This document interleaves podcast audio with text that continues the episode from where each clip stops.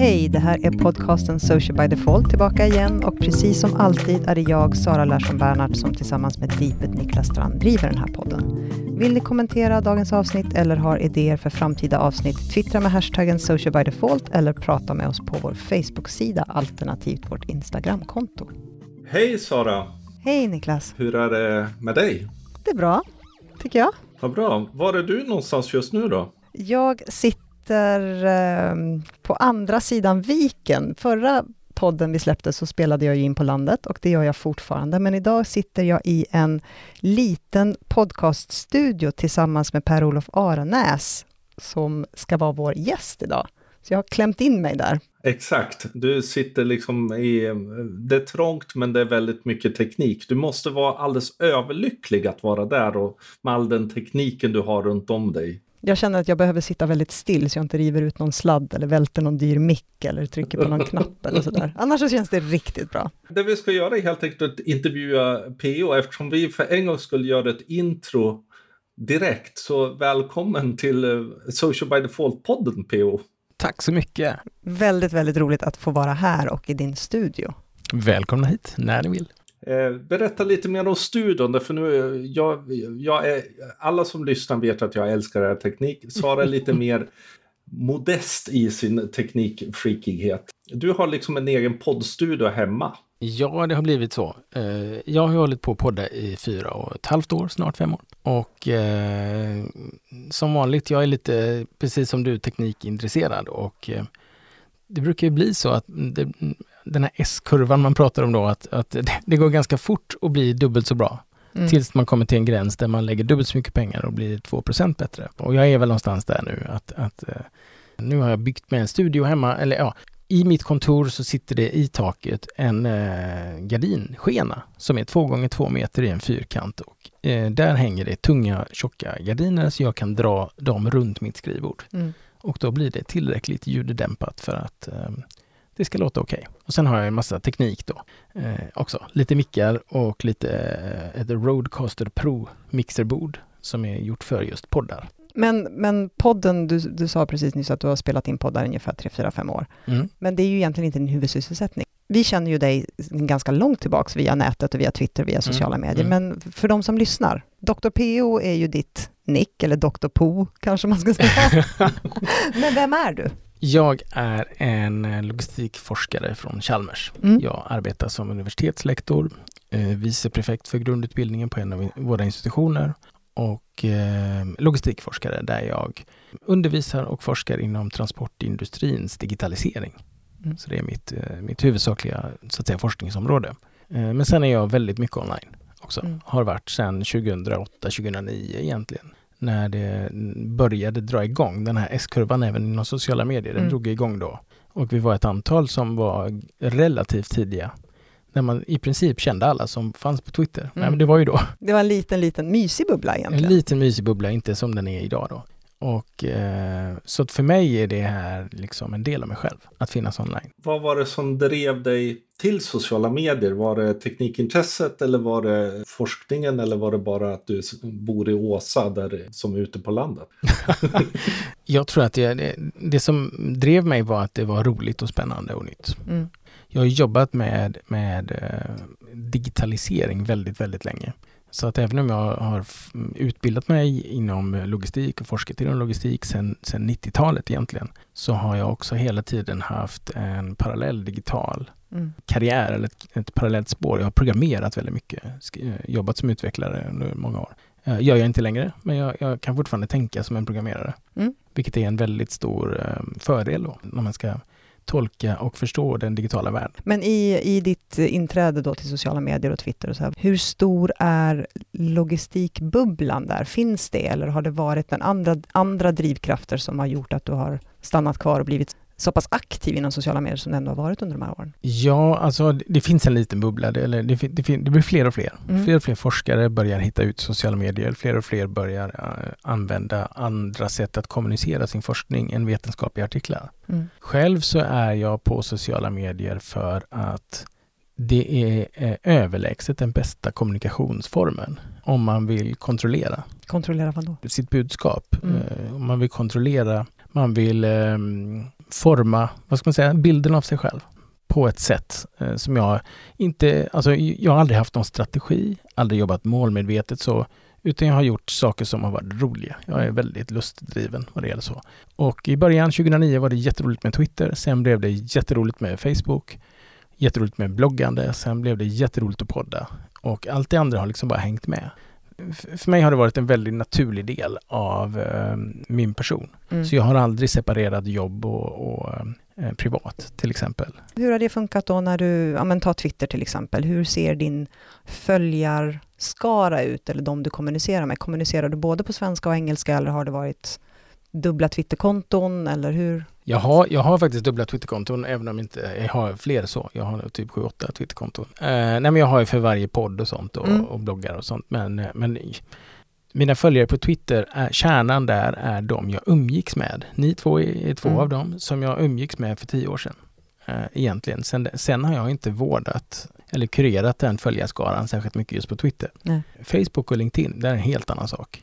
Där har man liksom valt eh, vilka man vill connecta med. Och hur ser det ut? Är det familj och vänner som är typiska Facebook eh, och mer professionellt? Nej, faktiskt inte. Ja, LinkedIn är ju professionellt. Ja. Alltså där, där är, men där, där, blir jag, i och med att man poddar så blir man ju en halvoffentlig person inom sin mm. bransch. Och, och eh, det händer ganska ofta att folk vill connecta och jag brukar tacka ja för det mesta.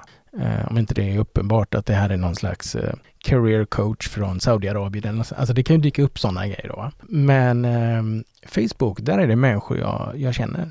Vissa har de jag släkt med, vissa har jag gått skolan med och vissa har jag stött på på en fest eller på en konferens. Och även om de allra flesta pratar svenska så har jag ett, ett gäng som inte pratar svenska på mm. Facebook.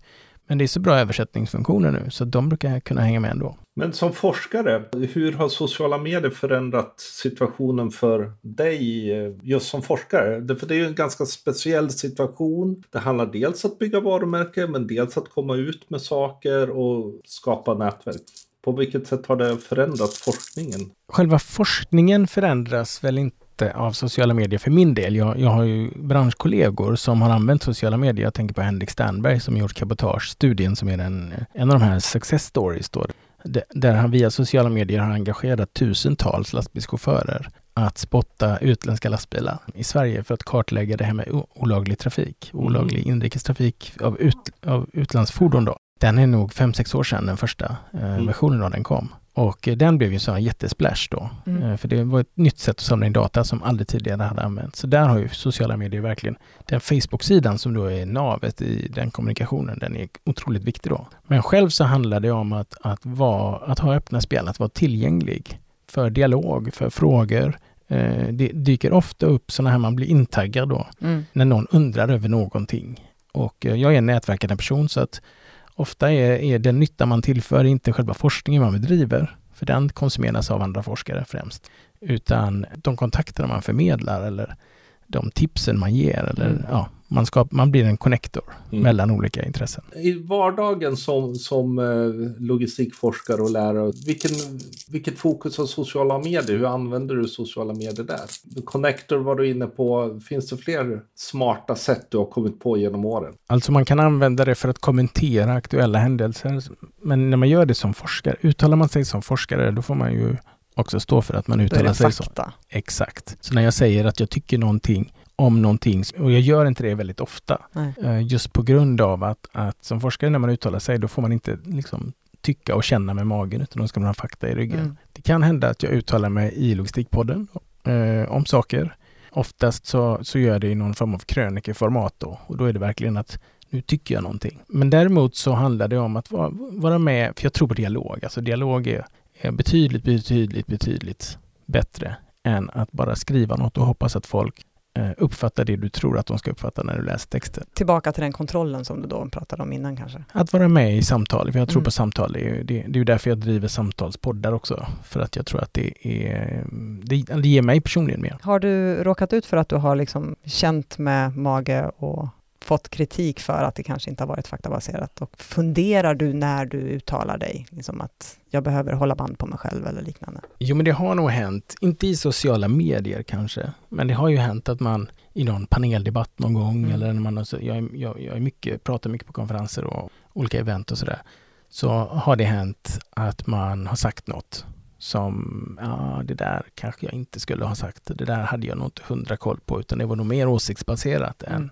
Jag har försökt fila bort det där. Det där är något man får jobba med sig själv eh, hela tiden. Sen blir man också väldigt tråkig om man aldrig sticker ut Nej, eh, Det är och, sant. och inte tycker något heller. Så att det gäller att tycka inom rätt områden då. Tillbaka till de olika kanalerna då. Du, du har nämnt Twitter, du har nämnt Facebook, du har nämnt LinkedIn och du har nämnt poddar. Vilken, vilken är din största passionskanal? Vilken är den som du brinner mest för idag? Jättesvår fråga. Hjärnan skulle säga poddarna, Mm. eh, för det är där jag liksom puttar in mest av mig själv. Så. Plånboken också, om du tittar runt här.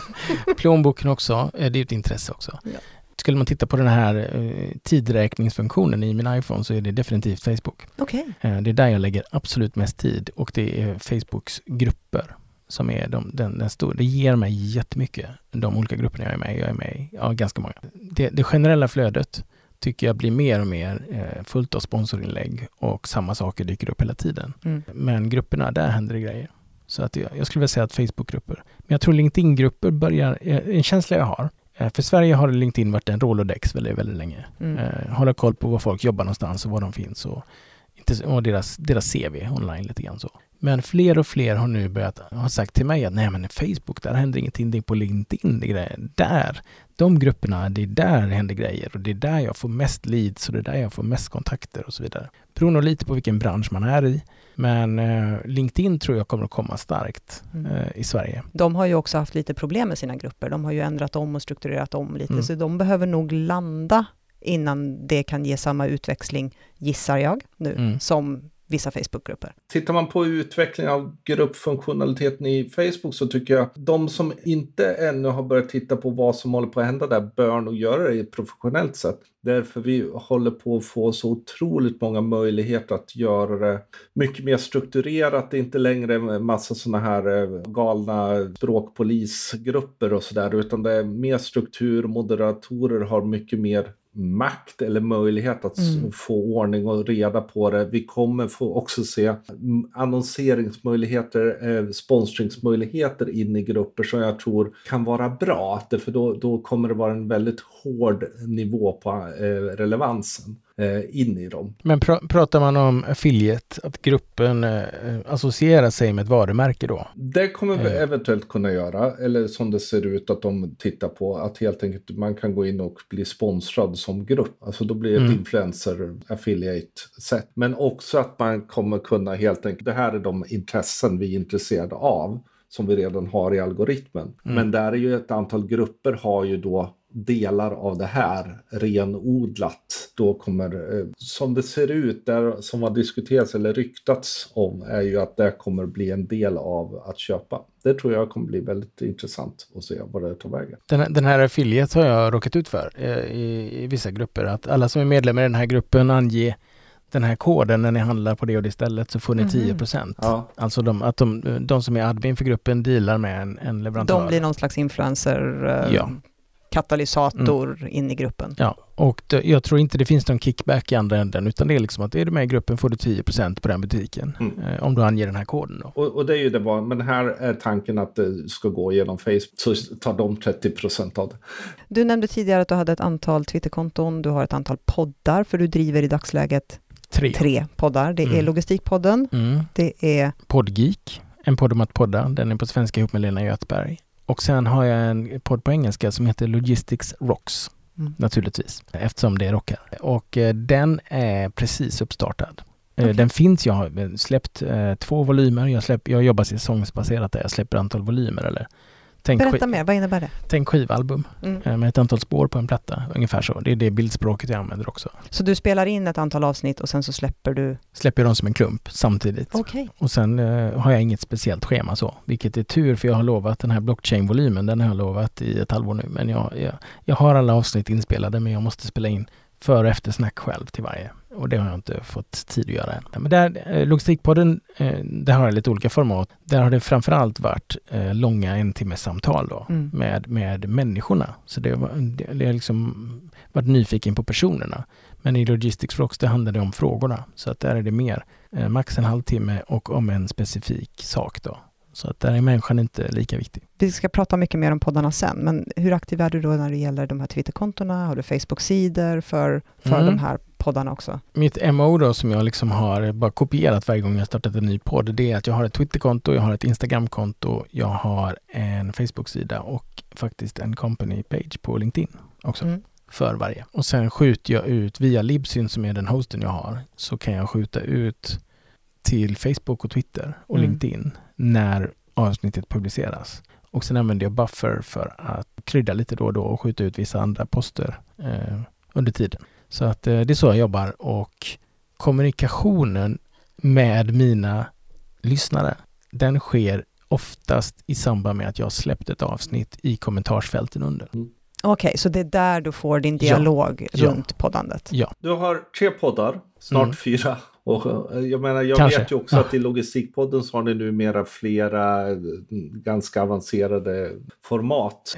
Nina Modig som är en, en kollega till mig och som eh, också är logistik, logistiker och författare och så vidare. Vi har sagt att vi kör från och med nu tillsammans, Logistikpodden. Jaha, Mm, Vi, kör, vi har börjat med något som heter Logistikpodden Magasin. Att vi i princip sitter och pratar om vad som är nytt och aktuellt. Lite grann som ni gör Mm. i Social by Default. Vi har börjat köra det live.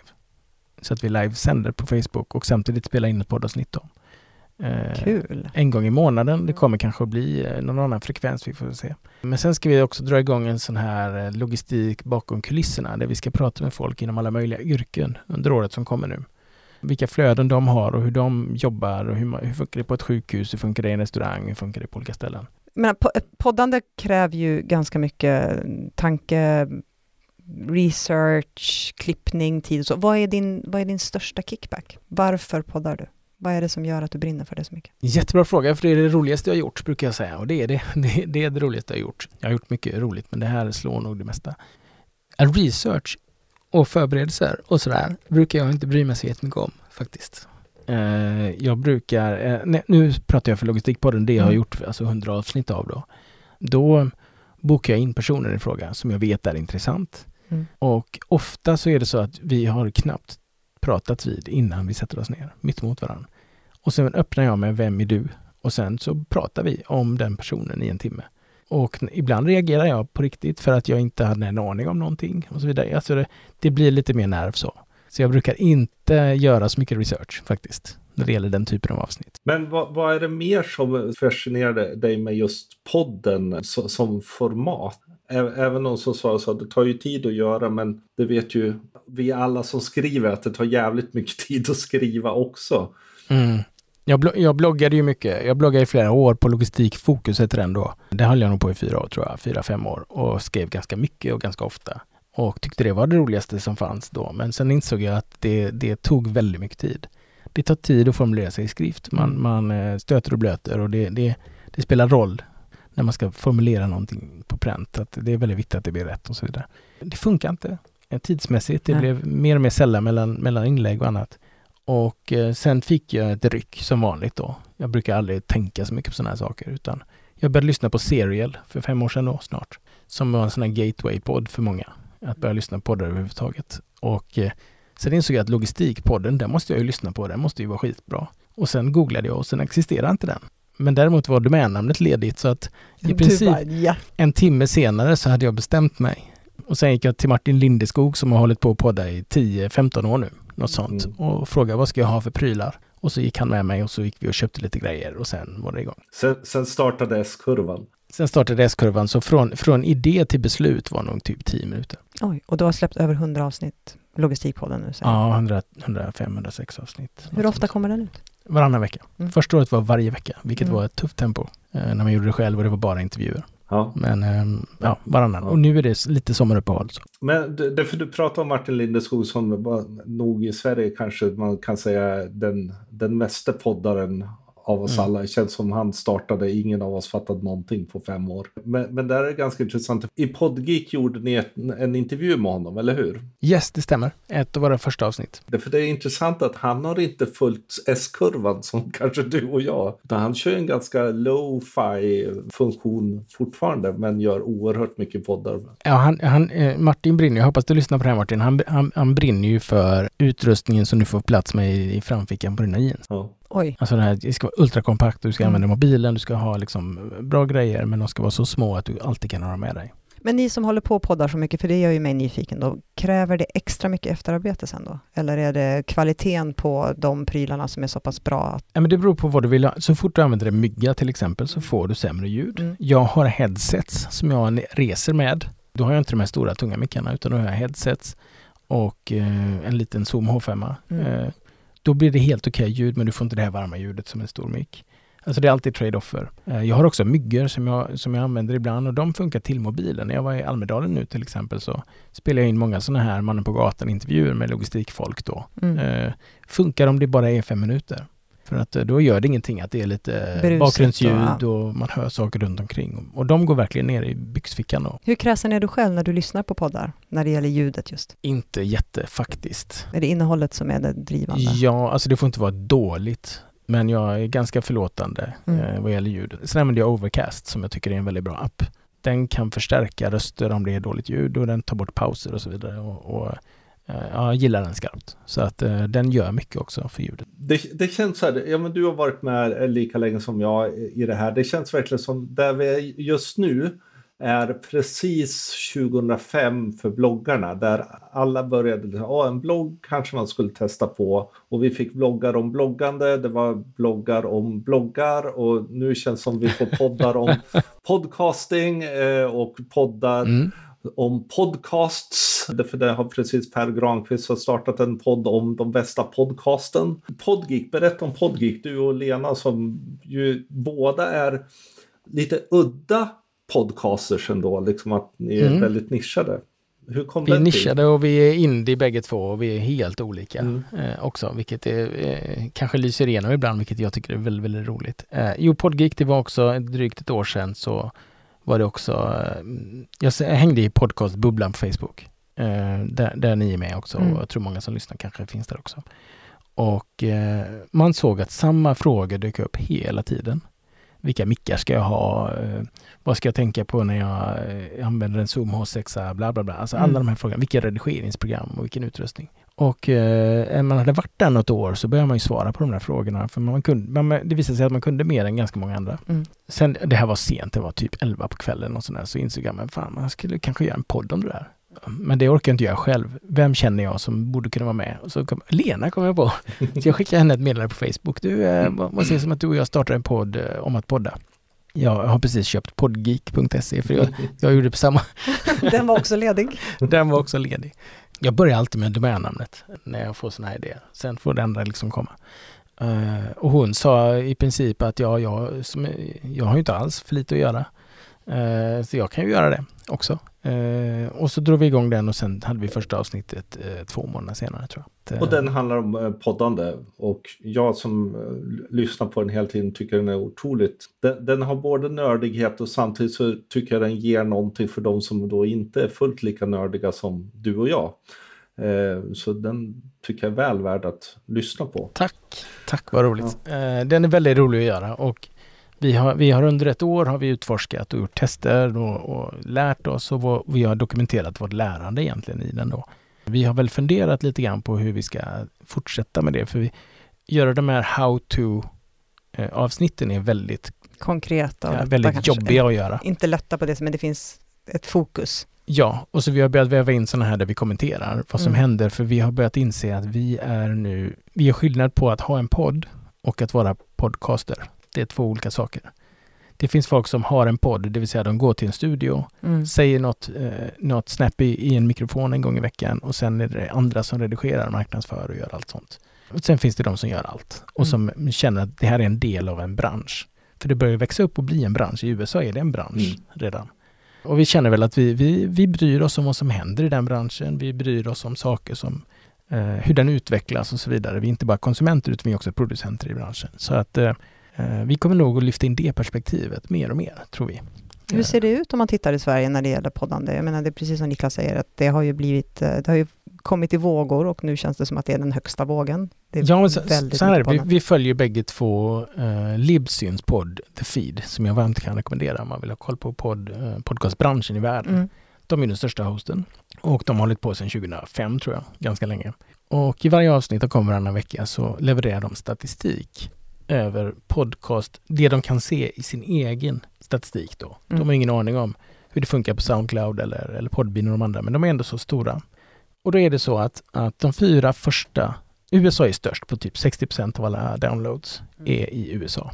Eh, sen kommer Kanada, sen kommer Storbritannien, sen kommer Australien. Alla fyra engelsktalande Alla länder. fyra engelskt. På femte plats i absoluta tal kommer Sverige Oj. i världen. Nu är det en väldigt lång svans, det vill säga vi ligger på under 10 procent. Mm.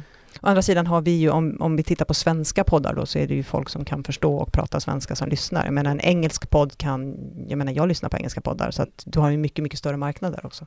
Exakt, exakt. Så att, så att eh, det är verkligen något som har hänt i Sverige. Mm. Men är inte detta lite typiskt Sverige också? Att vi är, Vi tycker det i alla fall. ja. Ja. men Ja. jag tänker att vi, vi är ganska mycket likt USA, fast i mindre Mm. skala och några år efter hela tiden. Men sen är vi väldigt snabba på att ta upp nya, nya trender, framförallt digitalt. Mm. Sådär. Och teknik, ja. Så Mm. Det är intressant, för, lite för att fortsätta den här bl- bloggandet versus poddandet. Så, så just eh, Libsyn har ju också siffror på vad är en stor podd? Den är ju sådär som en annan eh, håller sig i när man deppar över att det inte så det går lite sekt i nedladdandet. 140 downloads per månad Är det en på ett avsnitt. typisk Är du, är, du, är du över det, då är du över me, medianen alltså. Då är du bättre än snittet. Så har du fler än 140 downloads per avsnitt och månad så är du betydligt bättre än, än alla andra. Och det där gör, alltså, och det händer så mycket i mig när man säger det, för att då, om det då, ja, gud, jag tappar till och med tråden. Eh, passionen för att fortsätta podda när du har under 140 avsnitt Mm. är ju otroligt fascinerande, Mm. kan man tycka då. Mm. Men det kan vara att de här 40 som du har då Är äkta. är äkta superfollowers som, och att du är jättenischad. Men Mm. om du har en podd där två dudes pratar om vad de har gjort i helgen och du har 40 lyssnare, då kanske det inte, då kommer du inte att bli nästa Alex och Sigge. Ja, fast de är två dudes som pratar om vad de gjorde i helgen. Ja, men de har inte 40 lyssnare. De har något fler. Men om du har en podd om, om um, böjda balkars krokighet och du är expert på det eh, och du har 40 lyssnare så kan du vara säker på att de 40 är lika nördiga som du. Mm. Och då kanske, om jämför det med, det är, väl, det är väl det, det kan väl ni mer än jag, men, men det här med marknadsförings och reklambranschens tänk kring detta. Där man då har sagt, ja vi måste ha, hur många tusen lyssnare har du? Mm. Eh, om vi ska sälja annonser och så vidare. Jo, men visst, det gäller att ta, det är bättre med de äkta rätt, Träffbilden här är ju Ja, 100 procent. Mm. Självklart. Nära på. Några är ju kompisar till den man har intervjuat kanske. De kanske inte är genuint intresserade av ditt ämne, men jag menar det det är väldigt hög träffbild. Så om du har 250 downloads och 50 är sådana som din gäst drog med sig in då, som aldrig kommer att lyssna på flera avsnitt igen, men säg 200 är kärnan då. Mm. De 200 är ju extremt intresserade av ditt ämne. Och det här tror jag är jätteviktigt att, att ta, ta med. För jag menar, gissningsvis många som lyssnar på den här funderar på ska vi starta en podd för vår kommun eller för vårt företag eller hur ska vi göra? Att ta med att dels är det, det är ett maraton man har- ger sig in på. Det är Mm. inte Mm. sådär. Och att man behöver inse liksom att varje kanal faktiskt inte serverar alla utan lite olika nischer och då gör det inte så mycket att kanske nischa in sig. Att man ser kanske att för kommunen är den viktiga delen hur skapar man bygglov eller alltså den delen kanske är den intressanta nischen för en podd men inte massa Mm. andra saker. Och det tror jag är en viktig del för samma sak såg vi faktiskt under bloggandet att jag menar ganska många bloggar finns kvar idag. De har inte jätte det är inte de stora bloggarna och hej och hå, men de har sin skara läsare och på så sätt gör de ett bra jobb. Sen tror jag problemet blir liksom någonstans, har man en gång haft någonting stort så blir man lite så här, ja det här var ju inte så stort. Men det är det, eh, folk investerar en helt annan slags tid när de lyssnar Mm. jämfört med om de bara skummar igenom ett RSS-flöde eller, eller läser rubrikerna i en bloggpost. Att lyssna kräver något annat eh, av folk så att de, de du har de är eh, mer heavy duty tycker jag. Eller det, det, det är en känsla jag har. Men sen är det så att det här kommer ju att, att inte spela någon som helst roll tror jag. För att vi har ju redan nu transkriberingstjänster som All Ears då som, som indexerar det som sägs i poddar redan. Google har ju börjat flytta fram positionerna där också.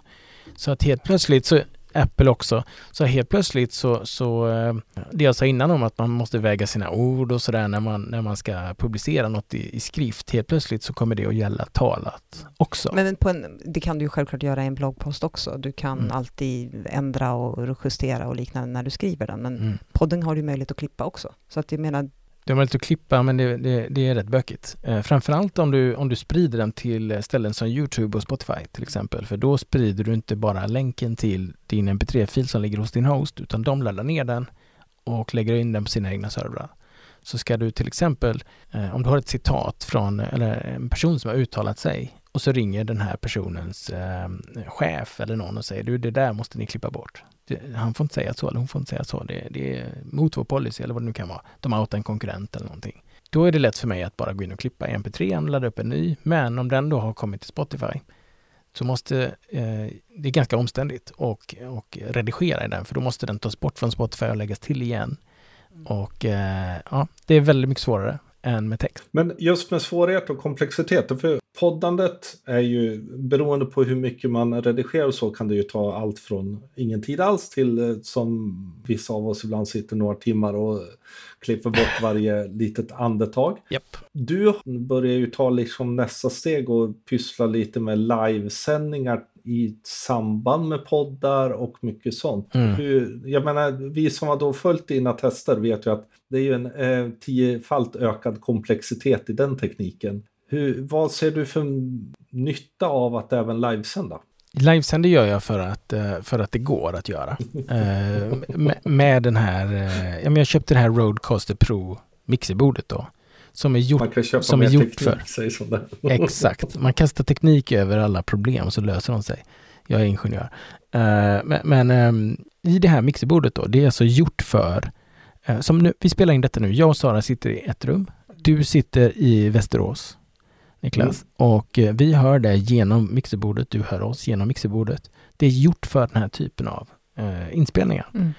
Och eh, att, att, slå på en Facebook livestream samtidigt som man ändå spelar in, för jag har jinglar och allt sånt ligger i mixerbordet. Eh, kör ett avsnitt live on tape som det heter då.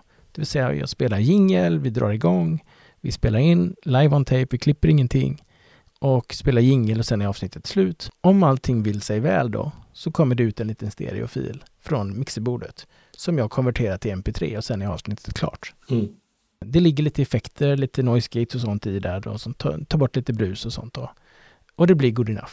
Vill jag, och det här är S-kurvan igen då, mm. vill jag röra mig lite, lite högre upp på S-kurvan så kan jag lägga fyra timmar på att redigera avsnittet och då har jag tillgång till samtliga kanalers rådata och kan göra precis vad jag vill med det.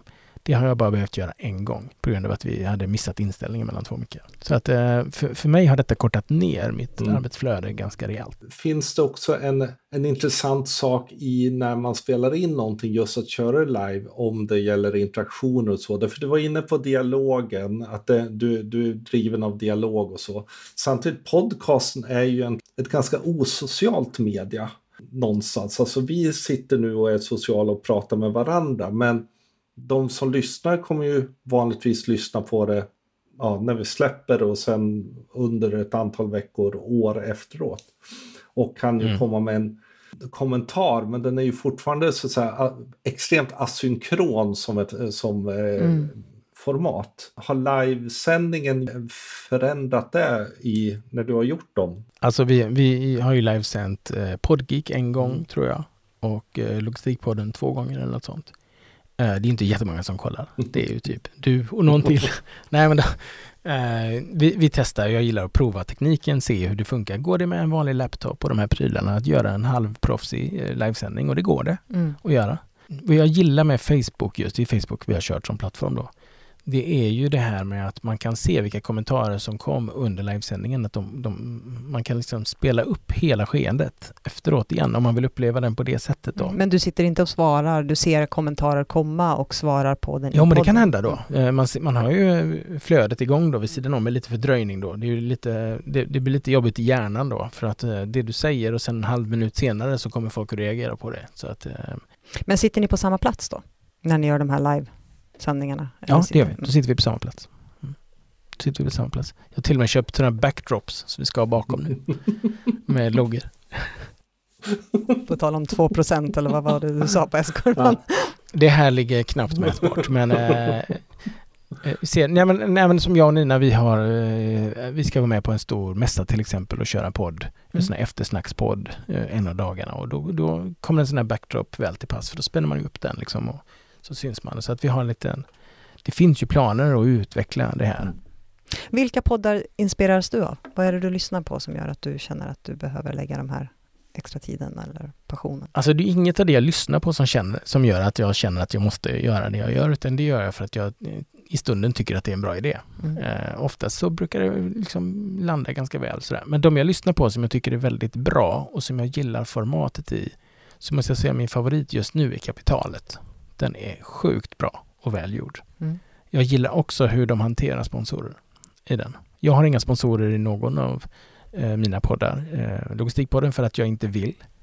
Eh, som forskare vill jag kunna vara neutral till varumärken och sådär. Podgeek för vi är för små. Och Logistics Rocks för att den har knappt startat. Men jag gillar hur de i kapitalet eh, skapar redaktionellt innehåll kopplat till en sponsor och de är tydliga med det. Så att ett avsnitt fortsätter efter ett annat avsnitt. Eh, alltså när avsnittet är slut så fortsätter de bara och säger nu kommer ytterligare ett reportage om det, den här frågan. Den är i samarbete med och så en, en, eh, en extern eh, sponsor. Då.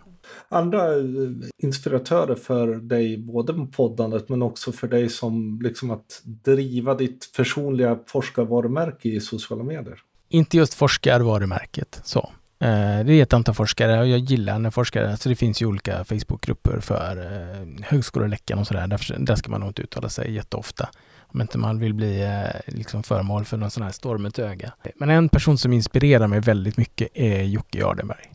Eh, alltså, alltså hans, hans, testande och hans nyfikenhet mm. och eh, hans eh, otroliga, vad ska man säga, eh, glädje han kastar sig in i nyheter med. Mm. Det inspirerar mig jättemycket. Mm.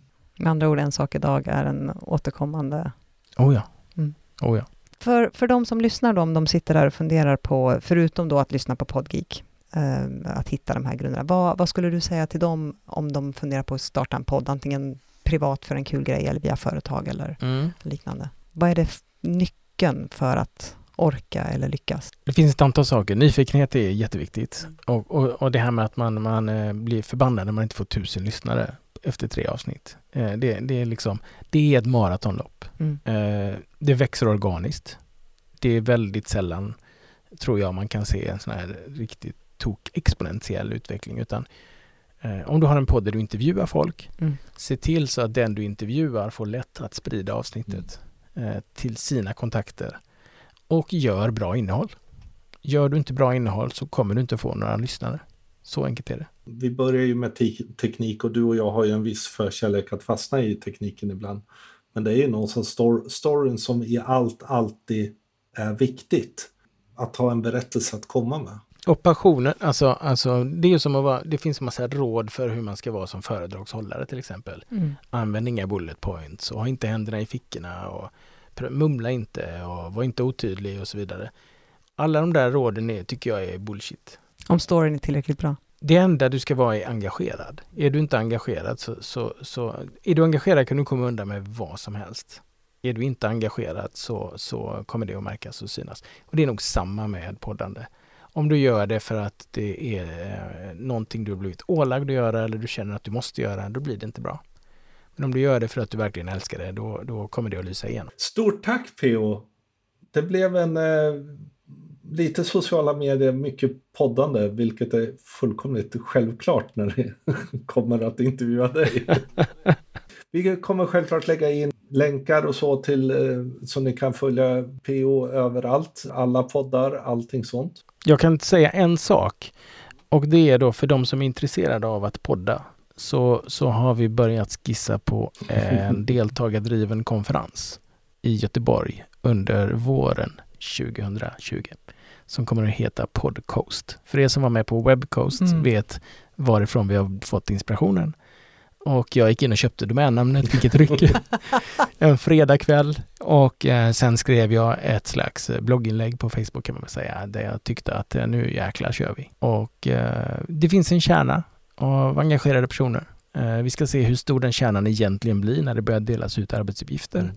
Men tanken är en deltagardriven, alltså en unconference Mm. eh, typ ish under våren 2020. Det är väl arbetshypotesen i alla fall. Ompoddande. Ompoddande. Och jag kommer komma i alla fall. Jag kommer komma. Ni är jättevälkomna. Tack snälla. Väldigt, väldigt roligt att få vara här. Och för er andra, vi lägger som vanligt in länkar i show notes som ni hittar på podcast.socialbydefault.se. Glöm inte att prenumerera på oss. Vi finns på iTunes, Soundcloud, Acast, Stitcher och Spotify och det är bara att söka på Social by Default. Om ni gillar podcasten, ge den jättegärna betyg. Recensera den gärna. Och eh, prata med oss på våra olika sociala medier för podden. Eh, på Instagram och Facebook-sida och liknande. Och använd gärna hashtaggen social by default på Twitter. Vill ni prata med oss personligen så heter jag Deeped överallt. Och jag heter Sanasi LB överallt. Hej då! Hej då!